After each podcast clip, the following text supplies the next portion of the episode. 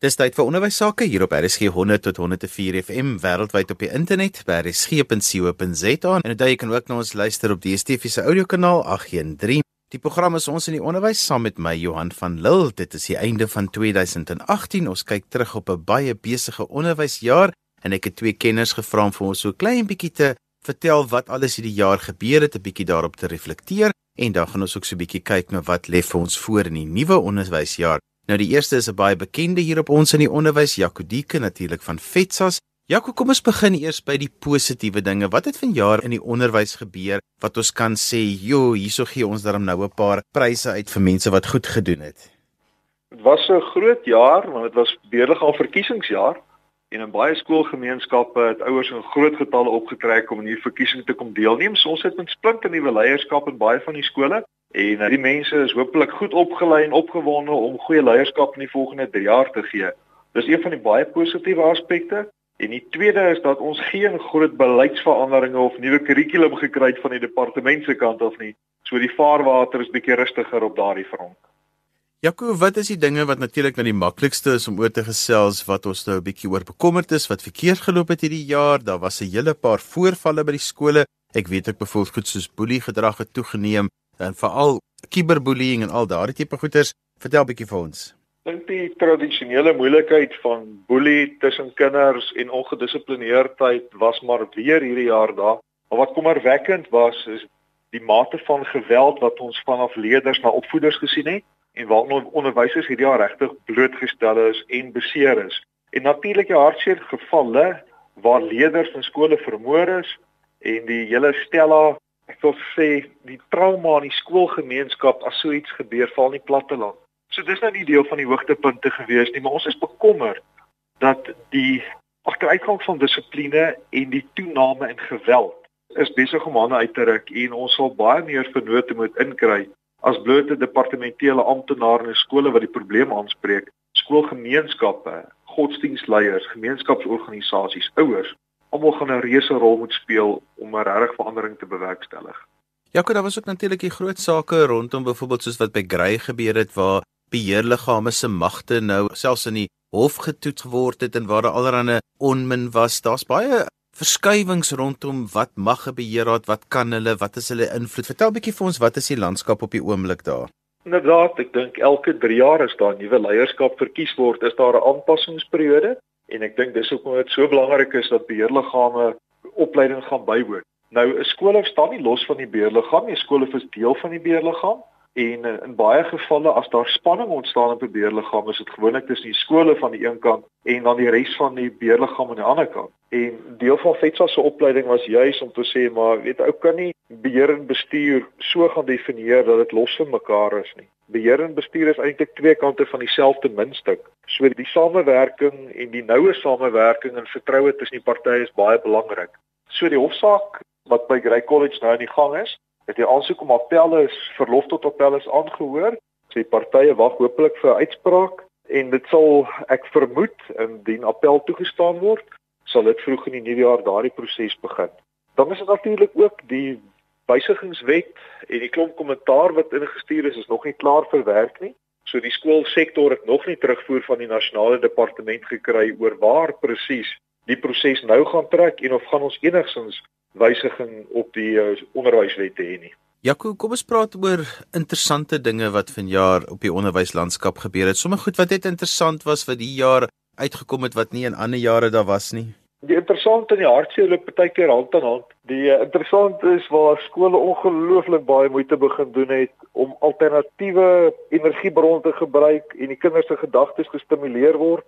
So in die Vrystaat het ons 'n leerder wat nie krag by die skool het nie en sy selfoon wou laai en op pad in die taxi huis toe te agtergekom maar hier's 'n lekker windjie wat deur hierdie taxi waai en toe 'n windlaaier ontwerp as gevolg van sy frustrasie by die skool en skole wat besef het met elektrisiteit en watertekorte waar daar is moet ons anders gaan dink en begin werk oor vernuwende energie. So ons sien skielik meer sonplase en water daar by skole wat kinders grys water moet bring en natuurlik jou kreatiewe onderwysers met ons nasionale toekenninge vir ons beste onderwysers in die land wat elke jaar plaasvind. En dan sien 'n ou weet onderwysers eintlik baie kreatiewe mense wat met baie min hulpbronne ongelooflike goed in klasse laat gebeur. So as jy nou 'n bietjie 'n goed voel dag wil hê om jy gaan kyk hoe lyk die webblad van die National Teachers Award en wat elke onderwyser gedoen het en uh, dis eintlik wonderlik. Baie skole was dan ook baie kreatief geweest met die beheerliggaam verkiesing om maksimum ouers te kry wat deelneem. In die Wes-Kaap het ons 'n skool gehad by die eerste keer elektroniese beheerliggaam verkiesing gehou het en toenemend gebruik skole tegnologie ook om onderhoude te voer en meningspeilings in skoolgemeenskappe te doen ten einde uit te vind wat is die behoeftes of net die idees van ouers hoe die skool beter beheer en bestuur kan word. Dit maak mense opgewonde. Jaco, volgende jaar is ons 25 jaar van demokrasie. Mense vra nou baie kritiese vrae oor die onderwysstelsel. Wat het ons bereik die afgelope 25 jaar? Vertel bietjie vir ons wat daar jou gedagtes is. Ek dink dis 'n belangrike tyd om te gaan stil staan en terug te kyk. Die skolewet is nou al uh, eh, 22 jaar oud en die vraag is het dit werklik waar die behoeftes van ons land voldoen. Ons is bekommerd dat 80% van ons land se skole nie presteer soos wat hulle moet presteer. En as ons kyk na die merkers, is dit gewoonlik swak leierskap in daardie skole wat aangespreek gaan moet word. En dis nie 'n wet se probleem nie. Dis 'n mensprobleem. Dit kan aangespreek word. Die tweede probleem is waar gemeenskappe nie eienaarskap vat van 'n openbare skool nie en steeds dink dit is 'n staatsskool. Iemand anders gaan kom om te kom regmaak. So skoolgemeenskappe gaan eienaarskap moet neem en weer eens dit is nie 'n wetsprobleem nie. Die uitdagings rondom finansies binne die onderwys bly groot, maar daar word so groot gedeelte van ons nasionale begroting in onderwys spandeer en so min kom aan einde vanaf by die skool uit dat die vraag moet eerder gevra word wat gebeur in hierdie stelsel dat die fondse nie by die kinders uitkom en by die skool op grondvlak uitkom nie? En weer eens is dit nie 'n wetsprobleem nie dis 'n bestuursprobleem. En natuurlik dan goeie beheer en bestuur. En daar is die skolewet baie duidelik wat is die verantwoordelikhede van skoolgemeenskappe? En as jy nou die skolewet vat en jy gaan kyk wat sê die grondwet oor onderwys en nie net elkeen 'n reg tot onderwys nie, maar die aanhef van die grondwet sê ons moet die potensiaal van elke mens in Suid-Afrika ontwikkel. En daar dink ek is ons nog so besig om net so hier aan die hoe sê die Engelsman we scratching on the surface. Daar's soveel meer potensiaal wat ons moet en kan ontwikkel. Want Suid-Afrika het wonderlike onderwysers en ons wonderlike kinders, maar dit gebeur nie in elke skool nie. So as ons terugkyk op 25 jaar van demokrasie, is onderwys definitief nie een van die ligpunte nie. Maar in daai 20% skole wat presteer, het ons wonderlike voorbeelde van wat werk.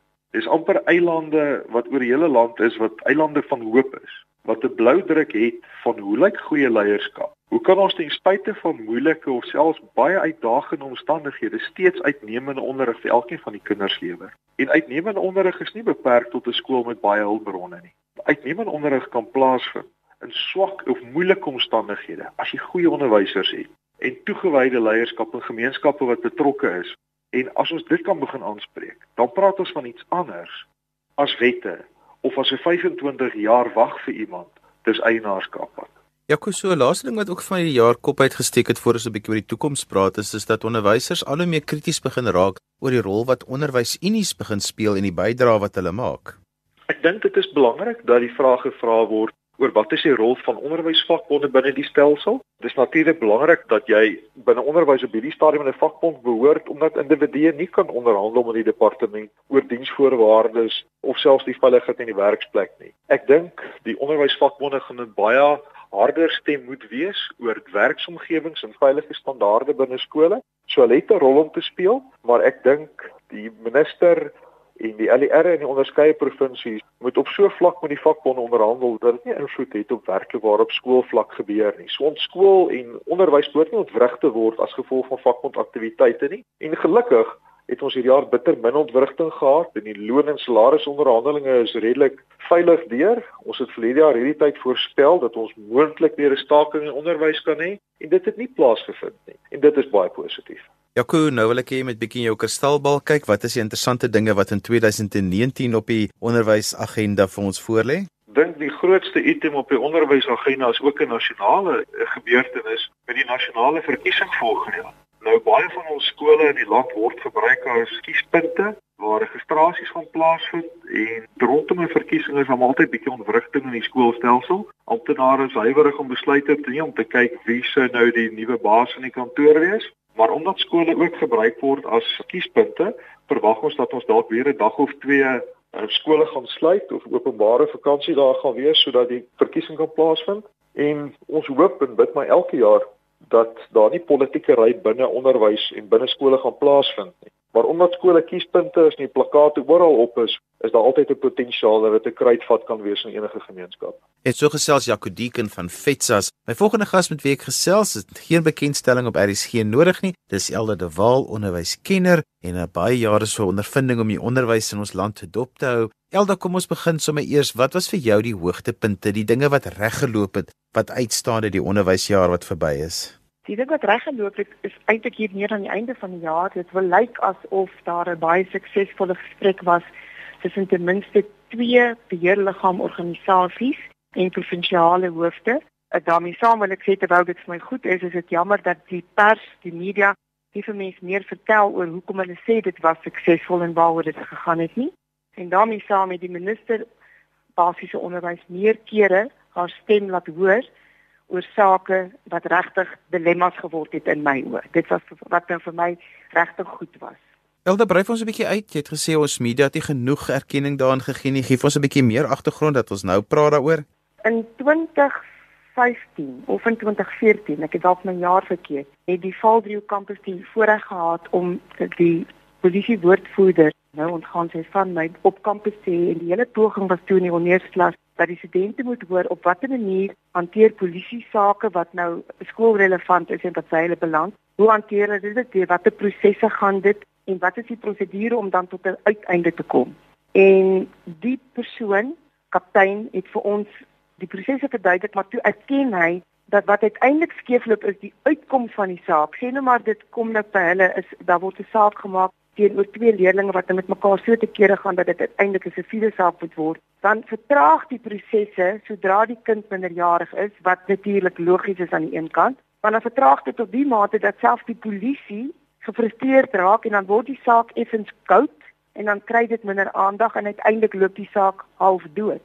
Met ander woorde waar die saak in die reine kon gebring gewees het en die regte persone op 'n manier daarom nou net tot halt geroep kon word, tel die media nie daai losdrade op nie. Hulle loop nie met 'n saak en vertel vir ons tot die einde, byvoorbeeld dat dit hartseer is maar die saak het nou doodgeloop nie. Ek sit en dink nou aan die pa spesifiek wat ongelukkig 'n skoot afgevuur het op sy kind deur die venster waar hy sit en wag op hom en ek is van mening dat hy vandag die pa hoor vandag wat is nou die uitkoms van moord of manslag skielik het die media dit nou weer opgetel. Ons het nooit tussenin geweet dat dit vir hom 'n probleem is tussen die aanklag van moord en die aanklag van manslag nie. Dit maak nou sin, maar ons moet eintlik saam met die pa hierdie dilemma kennis gedra. Die media fokus te veel op dit wat nou dadelik gebeur het en dan vergeet die mense wat onderwys sake moet hanteer om die drade bymekaar te hou sodat ons kan weet wat uiteindelik gebeur het en dat die leerders kan weet. Maar dit is lankal by die punt verby wat leerders nie koerant lees nie. Leerders lees media. En as daar sulke goeders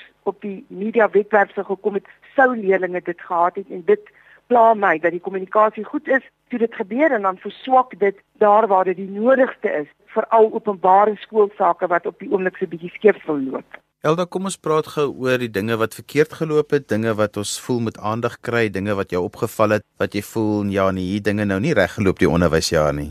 Hartseer in Februarie al was die diagnose vir my duidelik dat die taalkwessie by openbare skole steeds verkeerd aangepak word en steeds verkeerd gehanteer word deur die departement basiese onderwys en spesifiek die provinsiale onderwys Gauteng. Die motivering agter die dryfveer is is gewoonlik suiwer, maar die manier wat dit hanteer kom uiteindelik af op iemand wat amper soos 'n persoon met die hef in die hand of met die hamer in die hand wil sê, "Julle gaan nou so maak." En ek het in Februarie al voorspel die ding gaan nie regloop nie want die taalkwessie is weer eens te laat aangespreek. Toe het meneer Lesofie omtrent 'n maand gelede nou weer 'n opmerking gemaak en 'n aankondiging gemaak. Dit gaan nou van nou af so werk en dit was veral gemik op enkeltalige skole onder andere Afrikaans. Toe is daar omtrent 'n week gelede 'n berig of twee van suksesvolle vergaderings met skoolbeheerliggaamorganisasies waar niemand van ons weet waaroor dit gegaan spesifiek nie, die kern van die saak en op watter manier was dit suksesvol nie. Dis is die taalkwessie nog steeds 'n ding wat pla en veral ouers gaan daaroor bekommerd wees.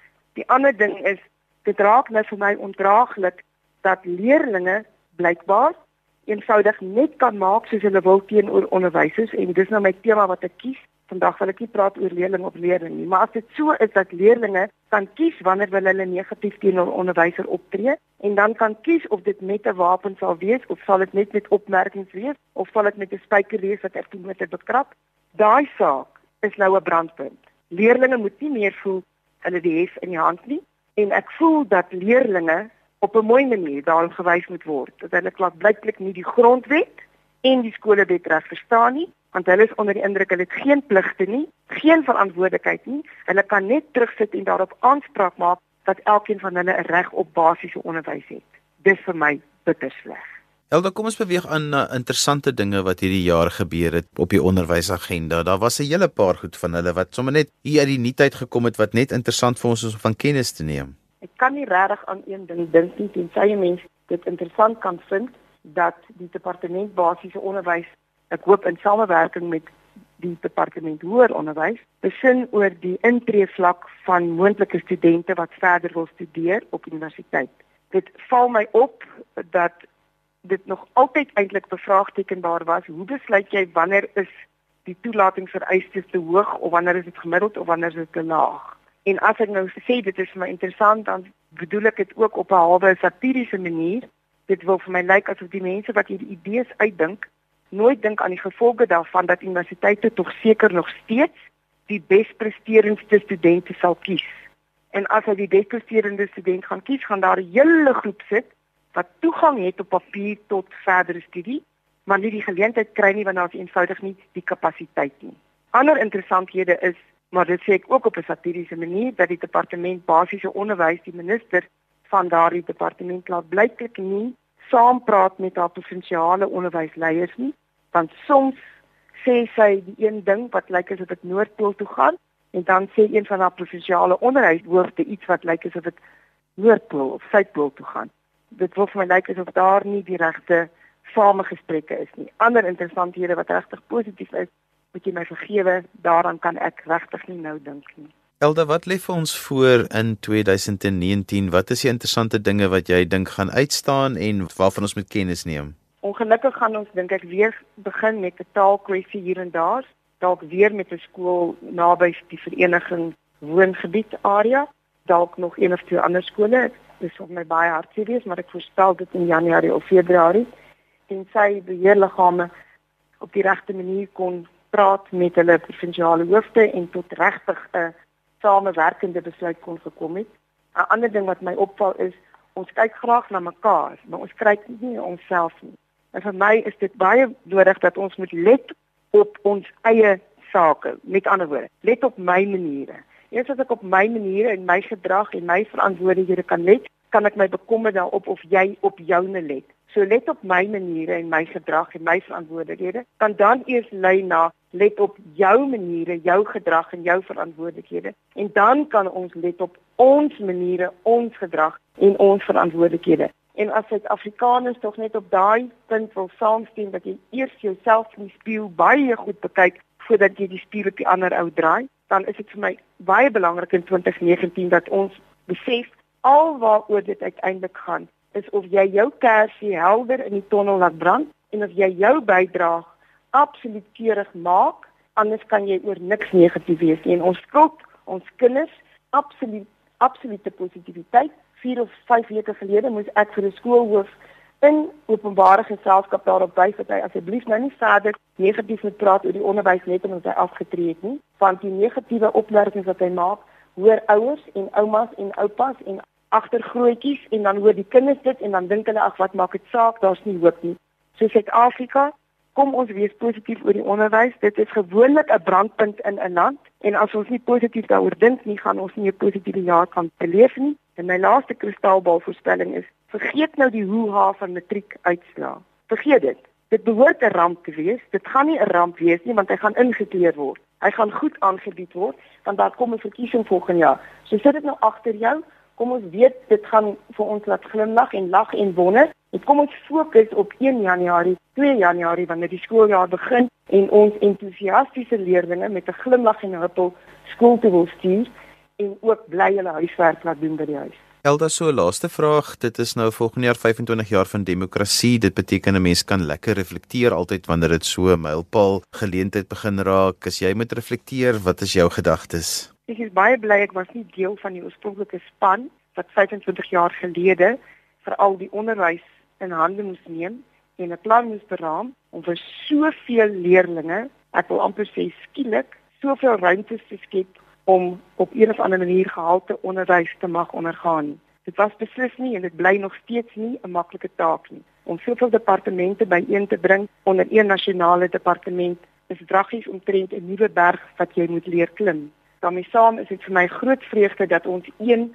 skolewet nou het, die skolewet 84 van 1996 en tog hoewel ons een wet het, ken die meeste van ons nie eens die aanhef van die wet nie. Net die aanhef van die wet leer vir ons dat ons na mekaar moet kyk, dat daar vier vennote ten minste is, ouer leerling, onderwyser en staat of dan nou spesifiek die departement en dat ons al vier langs mekaar moet staan en vorentoe loop en die ding moet aanpak. Dit is regtig vir my dit lê swaar op my hart dat alle Suid-Afrikaners net goed en positief moet voel sodat dit goed en positief vorentoe kan verbeter, want dit was geen maklike taak nie. En 25 jaar klink vreeslik lank, maar kyk 'n bietjie na mense eie kind en dink daaraan dat hy nou 30 is. Dit voel nie so 30 jaar wat verloop het nie. So op papier lyk 25 jaar lank, maar dit is geen maklike taak om al die drade bymekaar te bring soos wat mens van 'n minister basiese onderwys verwag nie. En so gesels Elda de Waal en sy is 'n bekende onderwyskenner ook gereeld hier op RSG. En daarmee het ons gekom aan die einde van vandag se ons in die onderwys. Ons het vandag bietjie teruggekyk op 2018, wat het gewerk, wat het nie gewerk op die onderwyskalender nie. En ons het ook 'n bietjie vorentoe gekyk vir wat lê vir ons voor in 2019. Onthou jy kan weer na vandag se program luister as 'n potgooi. Laai dit af by resgep.co.za. daarmee groet ek dan vir vandag tot volgende week van my Johan van Lille. Totsiens.